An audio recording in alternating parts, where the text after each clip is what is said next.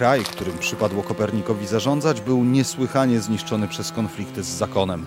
Wojska zniszczyły też wszystkie wsie, dwory, folwarki i młyny komornictwa. Wprawdzie, gdy tylko milkł szczękoręża, natychmiast rozpoczynała się odbudowa. Jednakże przerwy między wojnami nie były na tyle długie, aby zaleczyć wszystkie rany. Gdy zjechali do Gryźlin, okazało się, że kmieci już w nich było sporo. Wielu chłopów wsi nie opuściło, mimo rady przekazanej przez Kopernika. Kryli się jeno zdobytkiem po lasach. To fragment powieści Złoto Kopernika, napisanej w 2016 roku przez Wojciecha Krzysztofa Szalkiewicza. Tak autor wyobraża sobie momenty, w których Mikołaj, jako administrator dóbr kapitulnych, przywraca do życia wyniszczone po wojnach polsko-krzyżackich warmińskie wsie. Kiedy to się działo?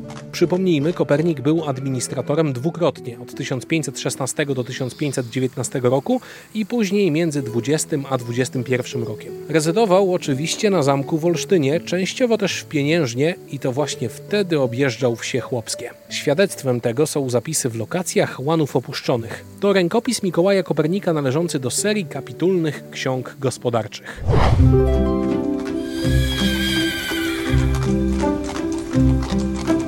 Mikołaj Kopernik odbył łącznie 65 podróży do osad wiejskich na Warmii. Dokonał w nich kilkudziesięciu zapisów lokacyjnych. Na przykład 25 razy sprawa dotyczyła opuszczenia łanów skutkiem śmierci albo też ucieczki dotychczasowego użytkownika. Trzeba było znaleźć o, trzeźwo myślącego jegomościa i przypisać go do potrzebującej ziemi. W innych przypadkach chodziło m.in. o transakcje zawierane przez chłopów, którzy to często zrzekali się całości lub części swojej ziemi. No a wszystko to wymagało zgody właściciela, którego w komornictwach kapitulnych uosabiał właśnie Kopernik. I proszę, w dokumencie znajdziemy także takie zapisy. Pluski, sołtys Andrzej sprzedawszy sołectwo Bartoszowi, objął dwa łany. Naglady, Marcin Wojtek objął cztery łany, któremu odstąpił Jerzy Wojtek bez wolnizny. Gryźliny. Stanisław objął trzy łany, z których zbiegł przed pięciu laty kranzel. Dałem mu jednego konia, jednego byczka i ćwierć zasiewów tegorocznych ze zwolnieniem od najbliższego czynszu oraz służebności na ten i przyszły rok.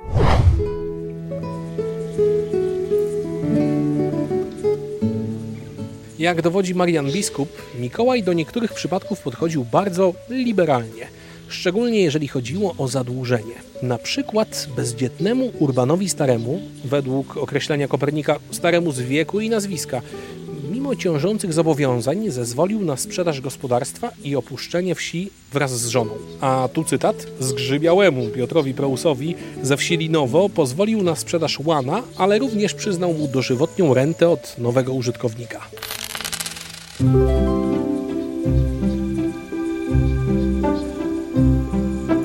Zapisy potwierdzają, że w opustoszałych wsiach polskich Kopernik chętnie lokował chłopów napływających z Mazowsza. W lokacjach łanów opuszczonych figuruje wielu Wojtków, Szczepanów, Stanisławów, Andrzejów, którzy zasiedlając Warmię przyczyniali się do jej polonizacji, no i zmieniali w ten sposób zasadnicze oblicze etniczne tego regionu, dotychczas charakteryzującego się przewagą ludności pochodzenia staropruskiego i kolonistów niemieckich. W czasie czterech lat swojego urzędowania Kopernik odwiedził 41 wsi, wiele z nich kilka razy i w tym celu odbył 65 podróży. Wróćmy jeszcze do książki Wojciecha Krzysztofa Szalkiewicza. W Jarotach, w których chłopi już częściowo odbudowali swoje spalone na początku tego roku gospodarstwa, szybko uwinęli się z lokacją. Ziemię, którą pozostawił Peter, ścięty w Olsztynku za knowanie zdrady, objął Jakob, któremu zezwolił na przesiedlenie się z Wikus. Ech, jak Bóg da, zbiory będą dobre, co pozwoli na odbudowę zniszczeń i jeszcze coś zostanie dla tych biedaków, westchnął Kopernik.